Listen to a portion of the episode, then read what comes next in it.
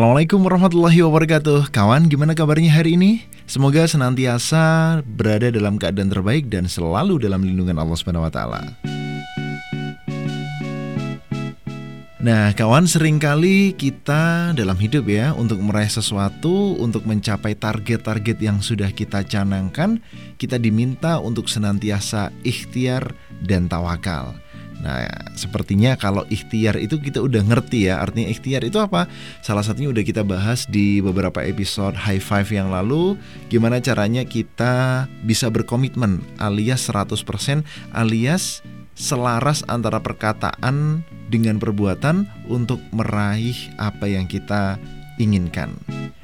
Nah, kalau yang kedua gimana? Tawakal. Nah, sering kali, sering kali nih tawakal ini diletakkan di belakang. Ya udah udahlah bahasanya ikhtiar dan tawakal tawakal yang nomor dua kemudian ketika melakukan aktivitas nah kira-kira tawakalnya ini diletakkan di depan atau di belakang tawakal dulu baru berikhtiar atau ikhtiar dulu baru bertawakal. Nah, di kesempatan kali ini di pagi hari yang penuh rahmat dari Allah Subhanahu wa taala ini kita akan membahas seputar tawakal. Kira-kira ikhtiar dulu atau tawakal dulu? atau tawakal dulu atau ikhtiar dulu. Nah, untuk itu jangan ke mana-mana, tetap di program Tetaplah Berharap.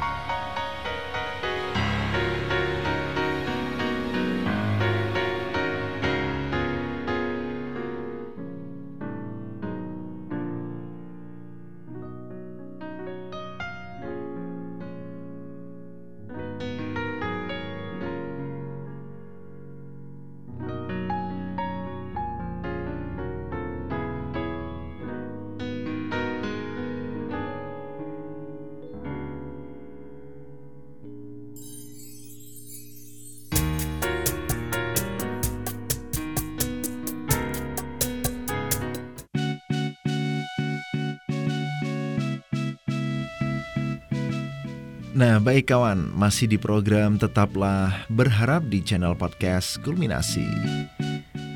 Kalau kita bicara tentang tawakal sendiri nih, tawakal kepada Allah itu sebenarnya artinya apa sih? Ternyata tawakal ini sendiri artinya adalah menyerahkan kepada Allah Subhanahu wa taala semua pilihan dan pengaturan kepada Allah. Jadi kita udah terima jadi terima baiknya aja lah keputusan dari Allah. Nah, kemudian apa saja yang kita serahkan? Artinya urusan apa aja nih yang kita serahkan sama Allah? Nah, bisa apa aja? Apa aja pokoknya? uh, contoh bisa dalam hal mendapatkan tambahan nikmat atau dalam hal uh, mencegah dari kekurangan rezeki atau ingin meraih apa yang diinginkan yang dicita-citakan. Kemudian uh, kita ingin diberikan nikmat apa pun, baik itu kesehatan, menghindari penyakit, uh, dijauhkan dari apa ya? Ya keburukan-keburukan yang ada di dunia lah pokoknya. Nah, intinya kawan, kita serahkan semua pilihan dan pengaturan ini kepada Allah Subhanahu wa taala. Nah, dengan catatan kita harus yakin bahwa Allah Subhanahu wa taala yang maha kuasa atas segala sesuatu ini nih dan Allah satu-satunya zat yang dapat melakukan upaya dan pengaturan. Namun yang juga perlu kita garis bawahi kalau di uh, komputer itu di garis bawahi, di bold, uh, di italic dikasih warna merah. Nah,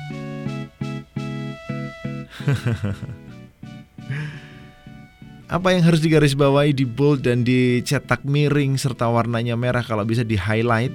Nah, kita harus yakin bahwa Allah Subhanahu wa taala lah yang maha kuasa atas segala sesuatu dan ialah dan Allah lah satu-satunya zat yang uh, bisa apa ya? Uh, menentukan mana yang baik dan mana yang buruk. Nah, kalau kita belum percaya tentang hal tersebut, jadi kita masih uh, uh, uh, uh, berpikir, ya iya tawakal sih tawakal, tapi gimana kan kita harus begini harus begitu. Nah, itu artinya belum tawakal. Kenapa? Karena tugas manusia hanyalah berikhtiar semaksimal mungkin kawan Nah urusan tawakal, urusan hasil akhirnya seperti apa Ya nggak usah lagi kemudian kita menyalahkan sana sini dan lain sebagainya Yang salah siapa? Yang pertama yang salah tentu saja kita Bisa jadi dari ikhtiar-ikhtiar itu ada beberapa hal yang perlu kita perbaiki Satu Yang kedua kita harus siap menerima uh, segala hasil yang diberikan oleh Allah Subhanahu wa taala. Begitu.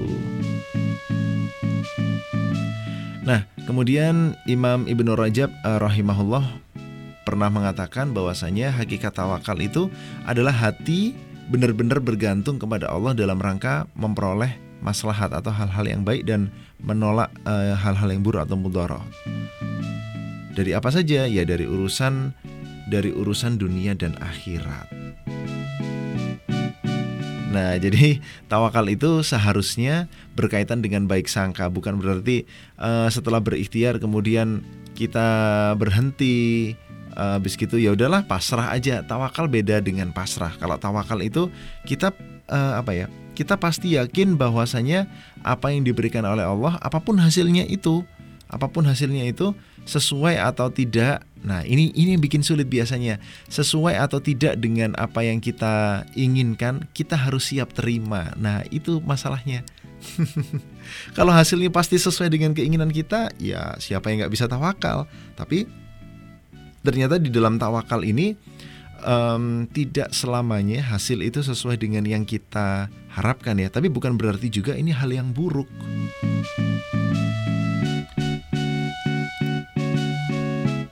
Mengapa demikian? Ya karena memang dari awal harus sudah kita yakini bahwasanya apa pun yang kita kita terima, apa pun hasilnya itu adalah yang terbaik bagi Allah.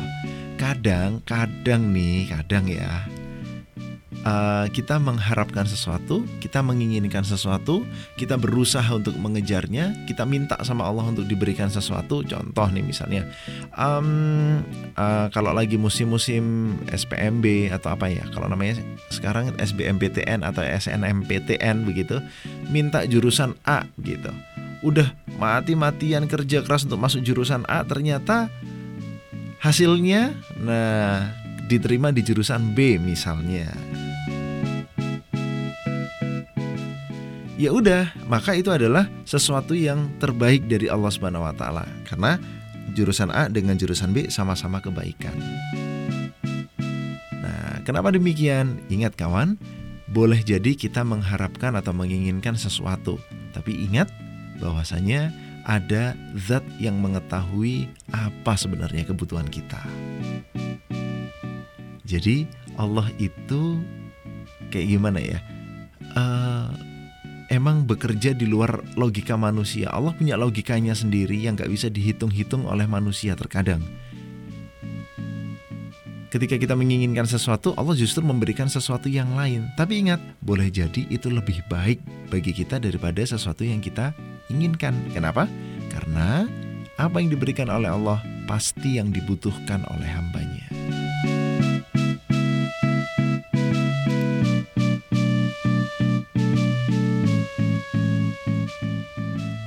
Jadi ketika kita melakukan sesuatu kita sudah berikhtiar semaksimal mungkin. Artinya berikhtiar semaksimal mungkin itu contoh kayak begini nih. Um, sebagai contoh ya ada si Fulan suatu hari dia naik motor. Motornya motor bebek uh, 110 cc. 110 cc. Nah paling kencang berapa sih kecepatan motor 110 cc? Mungkin 80 100 itu udah kencang banget itu ya. Udah kencang banget jalannya udah udah harus di jalan yang lebar banget begitu. Nah suatu hari si Fulan ini naik motor memacu kecepatannya sebut aja 80 uh, 80 km per jam. Dengan motor bebek uh, 100 cc eh 110 cc. Tapi dia nggak pakai helm. Ya kan? Kemudian tiba-tiba ada kucing oren yang nyebrang jalan gitu Gak tahu kenapa kucing oren akhir-akhir ini jadi viral banget ya. Ada kucing oren nyebrang jalan, wah dia kaget gitu. Kemudian dia jatuh, jatuh kepalanya terbentur, dia harus opname di rumah sakit dalam eh, jangka waktu yang lama. Itu kisah pertama. Kisah kedua ada pembalap motor uh, yang kemudian uh, ya MotoGP lah. Pokoknya pemba, uh, apa sih yang paling kenceng itu apa? Oh Superbike ya. Superbike itu uh, kendaraan udah di atas 900 cc. Kalau uh, MotoGP masih 600-an cc begitu, 500 600-an cc. Tapi kalau uh, Superbike udah hampir 1000 cc bahkan ada yang lebih dari 1000 cc. Uh, si pembalap ini memacu kecepatan uh, sangat tinggi bahkan di atas 200 km per jam dengan seluruh gear yang terpasang di badannya, seluruh pengaman, helm dan lain sebagainya, motornya juga dilengkapi pengaman dan lain sebagainya. Kemudian sama ceritanya, uh, tapi kalau di arena balap mungkin nggak ada kucing oranye nyebrang. ya pokoknya ada sesuatu apalah begitu kemudian menyebabkan dia terjatuh. Ketika dia terjatuh, ternyata nggak lama setelah dia jatuh, dia bangun angkat motornya kemudian motornya didorong dinaikin lagi. Apa yang membedakan dua kisah tersebut? Sama-sama naik motornya, sama-sama jatuhnya. Nah, inilah ikhtiar, kawan. Tugas kita hanyalah memaksimalkan ikhtiar. Ya jangan heran kalau bisa opname di rumah sakit sekian lama. Kenapa? Karena gearnya nggak terpasang, nggak pakai uh, nggak safety riding pokoknya lah ya. Apalagi di, di jalan di jalan biasa begitu, bukan di arena lintasan, bukan di sirkuit. Nah, nggak pakai gear, nggak pakai helm dan lain sebagainya, kemudian jatuh bahkan uh, terluka gitu ya, dia harus opname di rumah sakit. Sementara si pembalap itu tadi, si pembalap itu tadi dengan gear yang lengkap, dengan pakaian yang lengkap, bahkan kecepatan motornya jauh lebih kencang dari motor 110 cc, sama-sama jatuhnya, tapi dia nggak apa-apa. Nah, kaidah sebab akibat inilah yang masuk ke dalam ranah ikhtiar.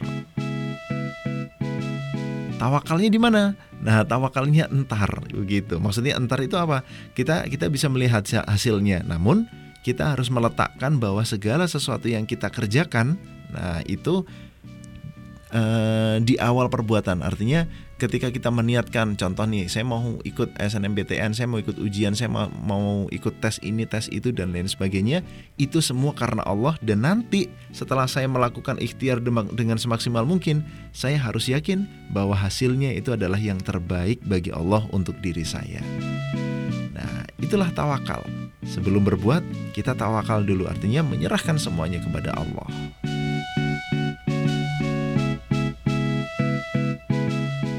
kemudian gimana caranya atau apa aja hal-hal yang diperlukan dalam berbaik sangka kepada Allah Subhanahu wa taala sehingga kita bisa bertawakal. Nah, jangan ke mana mana Stay tune di Tetaplah Berharap dalam podcast channel Kulminasi.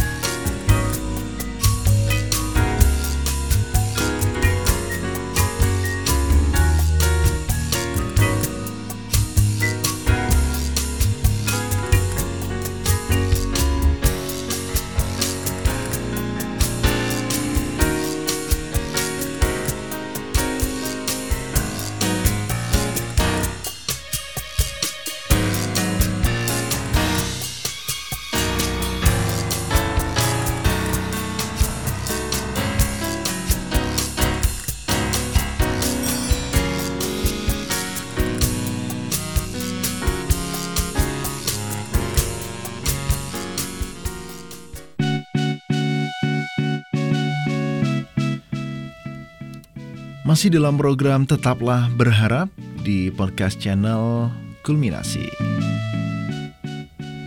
Nah, kawan pernah nggak sih kita kecil? Eh, pasti pernah ya. Ketika dulu kita masih kecil, insya Allah sebagian besar dari kita pernah sakit, kemudian dibawa ke dokter, minum obat, disuntik, diperiksa giginya, dan lain sebagainya. Nah, yang kita tahu sebagai anak kecil pada saat itu kalau diminumin obat itu pasti rasanya pahit. Kalau diobok-obok giginya, dibersihkan giginya itu kayak udah kita masuk ke dalam pabrik apa gitu ya. Bunyi mesinnya kayak apa, bunyi bornya kayak apa, bunyi sikatnya kayak apa. Pokoknya nggak nyaman lah di mulut. Kemudian yang kita tahu bahwasanya kalau disuntik itu begitu jarum masuk ke dalam daging kita, masuk ke dalam uh, menusuk kulit kita rasanya perih Nah, tapi perihnya berdarah. bukan peri yang nggak berdarah. Kalau peri yang nggak berdarah itu biasanya kita bahas di jomblo talk. nah, uh, tapi kita nggak tahu kan ternyata uh, tujuan orang tua kita bawa kita ke dokter, dikasih obat, disuntik, dibersihkan giginya dan lain sebagainya itu ternyata baik buat kita. Nah, begitulah Allah Subhanahu wa taala bersikap kepada hambanya, memberikan sesuatu pada hambanya. Allah lebih tahu mana yang terbaik buat kita. Contoh misalnya, nggak mungkin dong ketika sekarang kita lagi sakit flu, lagi pilek, batuk, kemudian orang tua kita dengan happy-nya, dengan senang hati, dengan begitu bangganya belikan, ini silakan ada es krim satu kotak, dihabisin semua ya, besok opname. Nah, nggak mungkin seperti itu. Pun demikian dengan Allah. Nah, tapi tentunya pengetahuan Allah jauh lebih luas, jauh lebih baik daripada sekedar pengetahuan orang tua kita atau kita sekalipun. Maka dari itu kita nggak bisa dong menentukan ini yang pasti terbaik buat saya. Enggak, kita harus menyerahkan itu semua kepada Allah. Walaupun nggak jarang ketika kita memaksakan kehendak kita kepada Allah, Allah memang memberikan itu semua. Tapi ingat, nah ada konsekuensi di belakang yang harus kita tanggung. Contoh nih, ada yang protes, aduh kenapa sih orang ada seseorang dia nggak sholat, dia berbuat maksiat, dia begini, dia begitu dan lain sebagainya. Pokoknya jauh lah dari Allah. Tapi rezekinya lancar, kekayaannya tambah banyak dan lain sebagainya dan lain sebagainya. Nah ternyata konsekuensinya di belakang Allah memberikan itu semua karena endingnya nanti ada yang namanya istidroj. Istidroj itu ibaratnya uh, uh, lagunya kayak kayak lagu tahun 2000-an itu. Gimana sih?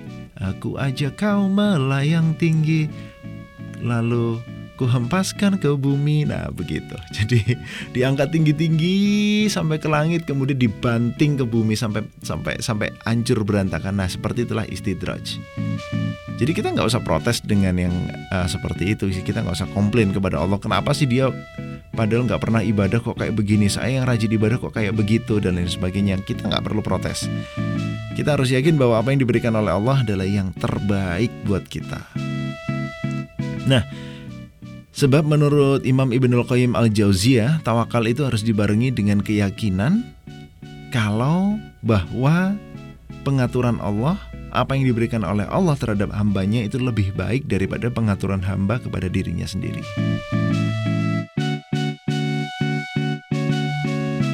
Mengapa demikian kawan? Karena kita harus yakin Allah itu lebih tahu kemaslahatan hambanya daripada hamba itu sendiri. Jadi Allah ternyata lebih tahu mana yang terbaik uh, untuk kita dibandingkan diri kita sendiri. Allah lebih tulus uh, kepada hambanya dibandingkan hamba itu kepada dirinya sendiri.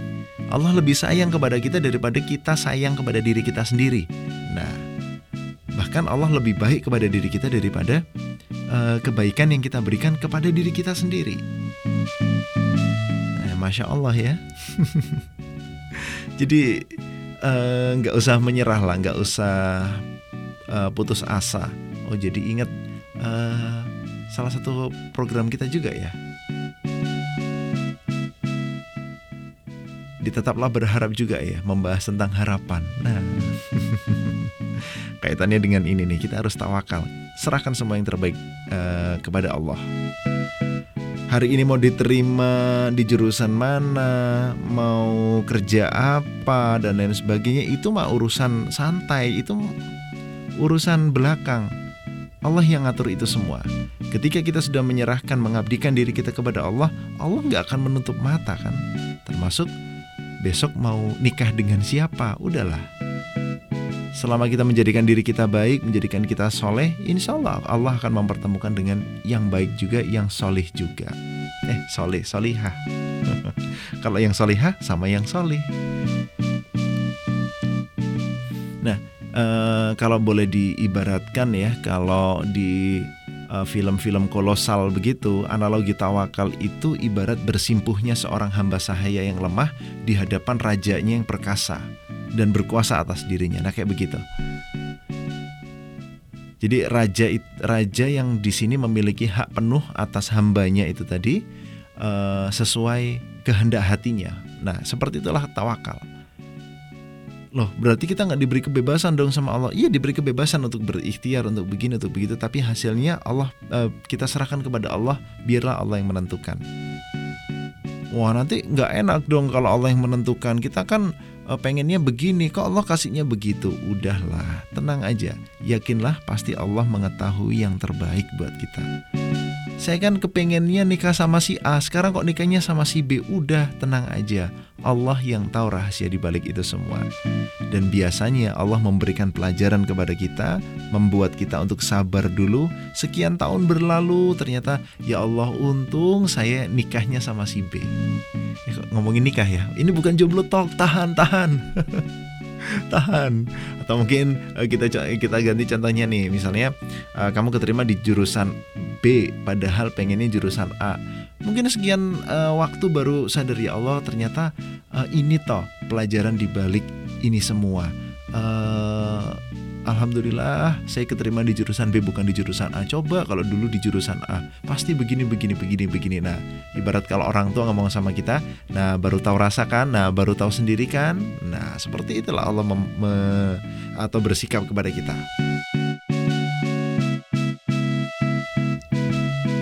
Nah kemudian kenapa kita harus tawakal? Apa manfaatnya? Nah ternyata kawan saat kita menyerahkan seluruh uh, rasa baper, rasa galau, segala kebutuhan dan masalah diri kita kepada Allah Subhanahu wa taala, zat yang maha segalanya, ya sudah tentu kita akan merasa senang. Karena apa? Kita dijamin pasti endingnya baik buat buat kita. Kita tahu bahwasanya Allah itu ngurusin segalanya, memenuhi setiap kebutuhan kita, eh, nggak uh, akan memutus rezeki kita, ya kan? Cicak-cicak di dinding aja, uh, cicaknya merayap, makanannya terbang harusnya yang terbang makan yang merayap. Ini kebalik, yang merayap makan yang terbang. Secara logika manusia nggak masuk, tapi itulah Allah. Jadi dengan tawakal kita uh, apa ya nggak perlu capek-capek gitu mikirin setiap uh, jengkal masalah kita. Dipersiapkan sebaik mungkin, diikhtiarkan semaksimal mungkin, direncanakan sebaik mungkin, dikerjakan sebaik mungkin, Hasilnya biarkan Allah yang menentukan. Tapi pemikiran seperti itu, keyakinan seperti itu harus sudah dimiliki uh, sebelum kita berikhtiar, sebelum kita mengerjakan sesuatu. Jadi tugas kita apa? Ya tugas kita hanya berupaya semaksimal, semaksimal mungkin aja kak Begitu Selebihnya fokuskan perhatian kita kepada Allah Ikhtiarnya selesai Udah e, ibaratnya ada dua pintu kita dobrak semaksimal mungkin pintu dunia pintu horizontalnya ini.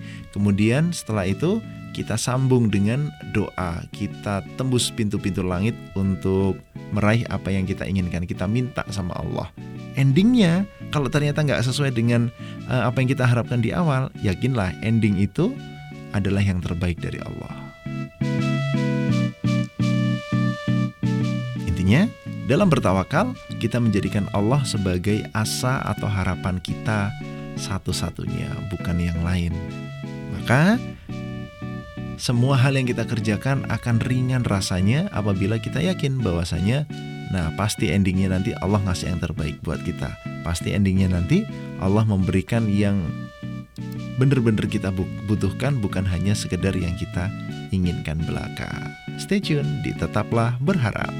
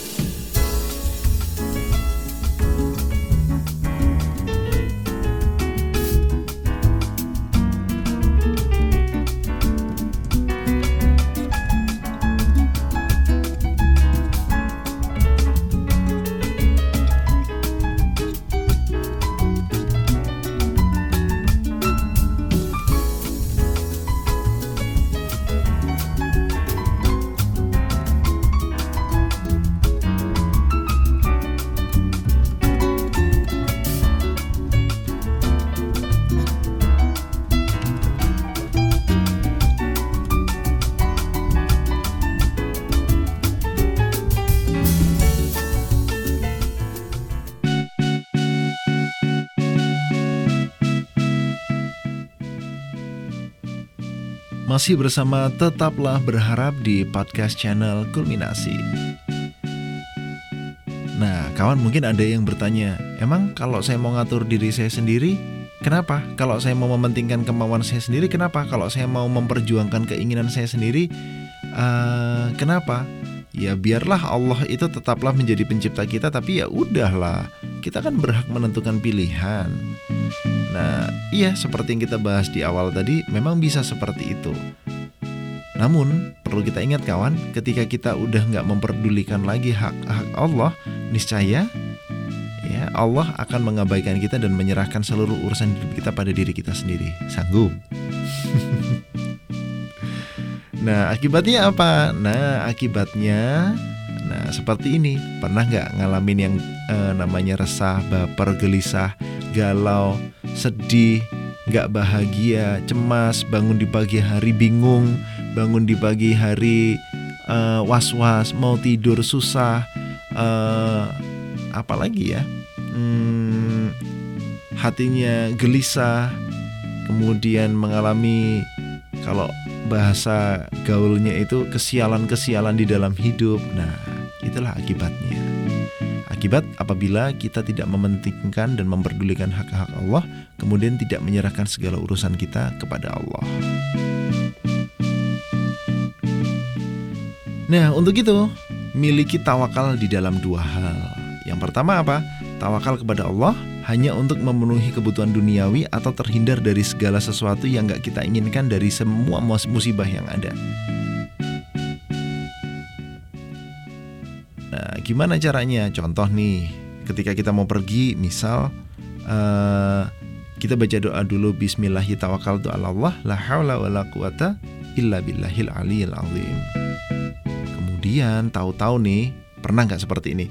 Tahu-tahu kita begitu udah keluar uh, keluar rumah, kita udah bismillah dulu, baca doa dulu, uh, kemudian ternyata di tengah jalan kita menemukan kecelakaan gitu kita mendapati ada kecelakaan Kemudian kita berpikir, ya Allah seandainya saya 5 atau 10 detik lebih cepat dari ini, bisa-bisa saya yang kena. Nah, maka itu adalah eh, kebaikan dari Allah yang diberikan kepada kita. Artinya apa? Sejak kita keluar dari rumah, kita sudah menyerahkan semua urusan kita kepada Allah dan gak ada sesuatu pun yang terjadi kecuali itu atas kehendak Allah.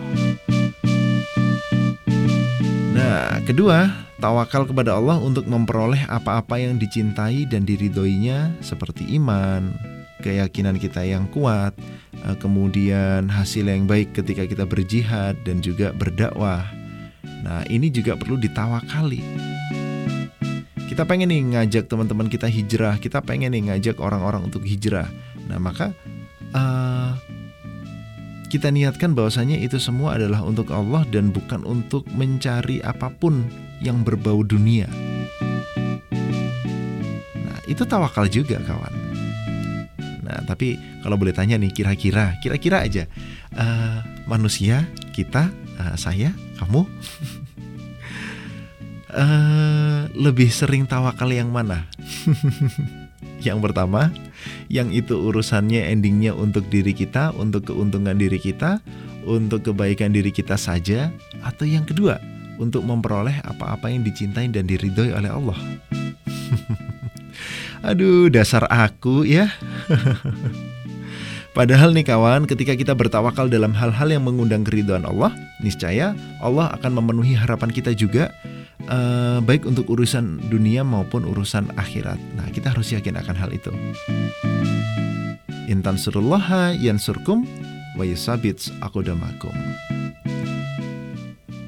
Tolonglah agama Allah, maka Allah akan menolongmu dan meninggikan derajatmu. Itu janjinya Allah. Padahal kalau boleh kalau boleh jujur nih, ya mau jujur kacang hijau jujur ayam terserah ya. Yang namanya manusia lebih sering uh, mengambil urusan tawakal ini untuk hal-hal yang pertama tadi. Tawakal kepada Allah hanya untuk memenuhi kebutuhannya saja dan kebaikannya saja. Sementara bertawakal untuk memperoleh apa-apa yang dicintai dan diridhoinya kayaknya loh ya kayaknya kok masih jarang Iya yang ngomong nih juga nih. Nah makanya itu padahal janji Allah apa? Ketika kita mementingkan Allah, mementingkan agama Allah, mementingkan keridhaan uh, keridhaan dari Allah, maka urusan dunia kita semuanya dimudahkan oleh Allah. Nah kawan, memang di dalam tawakal itu uh, sering muncul uh, atau sering timbul dari sebuah keterpaksaan. Jadi kita terpaksa dulu, keterpaksa dulu baru tawakal. Nah, ya memang seperti itulah manusia ya. Uh, kalau lagi butuh mendekat sama Allah, kalau udah dikasih menjauh, nah udah udah biasa itu. Dasar aku ya, dasar manusia. Ketika kita udah terhimpit banget, udah kepepet banget, terpojok banget, nggak punya tempat berlindung, dan semuanya udah kelihatan buntu jalannya, Nah barulah ya Allah sudahlah kuserahkan yang terbaik bagi uh, kepadamu. Nah kenapa nggak dari awal gitu coba? Coba kalau kita ya Allah Bismillah saya mau mengerjakan sesuatu, saya mau mengikhtiarkan sesuatu, kuserahkan semuanya padamu yang baik menurutmu, yang buruk menurutmu, terserah engkau. Kuserahkan semuanya padamu, bukakan jalanmu untukku, terserah mana yang terbaik. Coba gitu dari awal pasti nggak akan kepepet, nggak akan ke pojok, nggak akan galau, baper dan lain sebagainya. Nah ini manusia di uh, memaksa dirinya dengan baper dulu, galau dulu, susah hati dulu, gelisah dulu, baru ya Allah udahlah aku serahkan semuanya padamu. Aku udah nggak ngerti jalan lagi. Kayak tahu taunya aja manusia itu tentang jalan hidupnya kan nggak tahu. Seperti yang kita bahas di awal tadi. Maka itu kawan, serahkan semuanya dulu kepada Allah baru berikhtiar, baru mulai berikhtiar, baru mulai berusaha. Supaya ketika dalam usaha itu eh, kita menemukan batu sandungan, kita nggak galau, kita nggak nyalah-nyalahin diri kita. Maksudnya kita nggak aduh dasar ini nasibku sial dan lain sebagainya. Kita nggak begitu. Karena kita udah plong dari awal, ini adalah uh, usaha maksimalku ya Allah. Baik buruknya seperti apa, itu urusanmu. Ibarat nih kalau anak TK nulis pakai pensil, nah gurunya pegang penghapus. Gurunya pegang penghapus, kemudian menghapus bagian-bagian salah, kemudian membenarkan atau memberikan bagian-bagian yang baru yang sesuai dengan kebutuhan manusia, kebutuhan kita.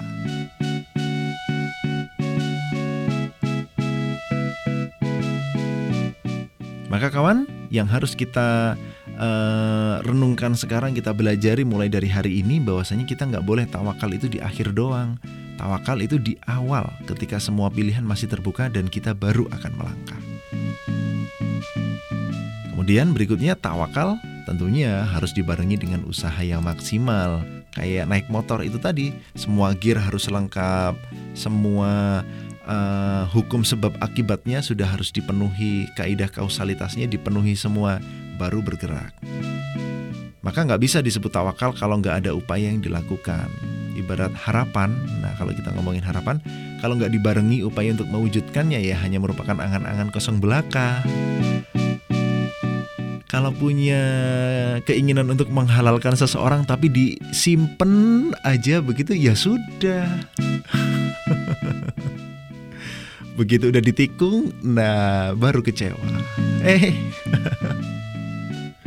nggak boleh nggak boleh ngomong itu nggak boleh bahas itu. Ini programnya tetaplah berharap. Tapi kayaknya contoh-contoh paling uh, kayak gitu memang paling ngena ya.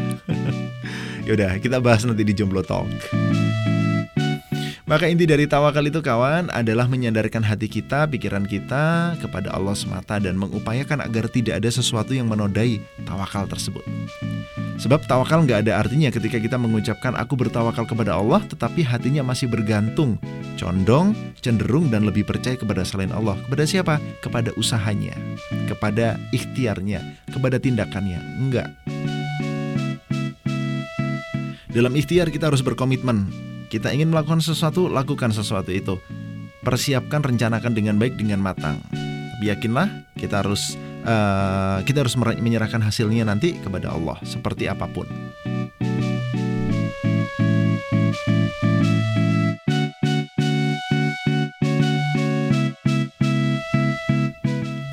Maka kawan, tahu nggak kalau Allah itu ternyata nggak cuma memerintahkan sesuatu kepada hambanya, tetapi Allah juga memberikan jaminan untuknya, memberikan jaminan buat kita.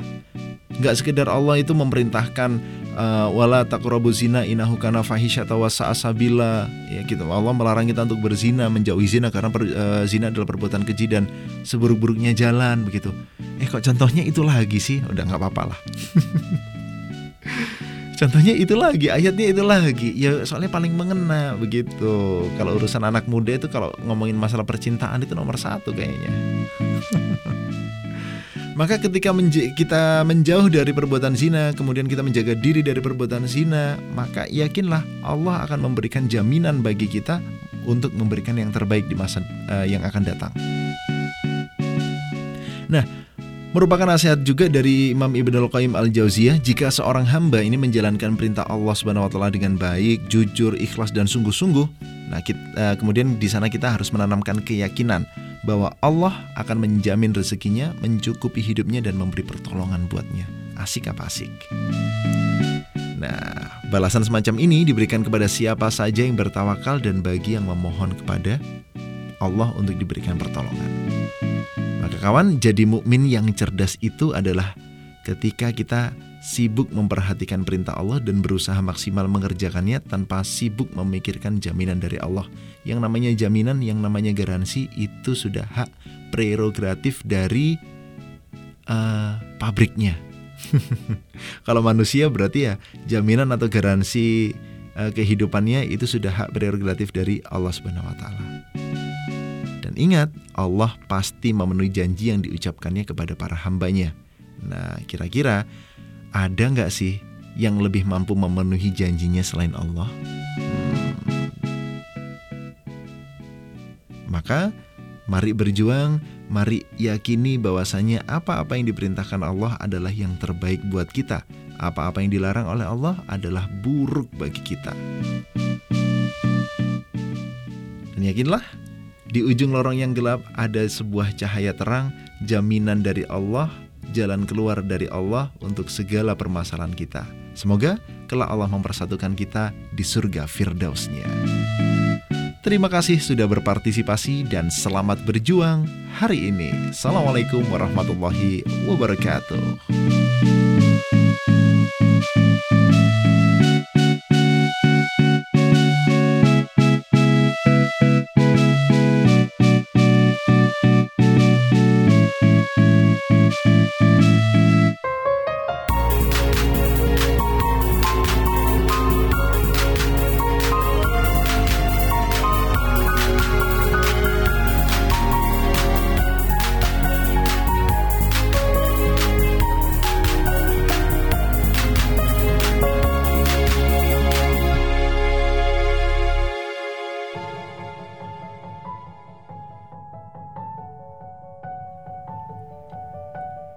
Assalamualaikum kawan, gimana?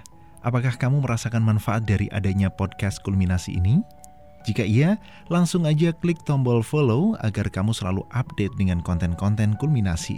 Silahkan juga share link podcast kulminasi agar manfaatnya dapat dirasakan oleh lebih banyak orang lagi. Dan jangan lupa follow Instagram kami di @kulminasi_podcast agar kita bisa saling sapa di sana, kamu juga bisa meninggalkan komen, saran, kritik, dan masukan agar kualitas podcast kulminasi ini dapat lebih baik lagi. Assalamualaikum warahmatullahi wabarakatuh.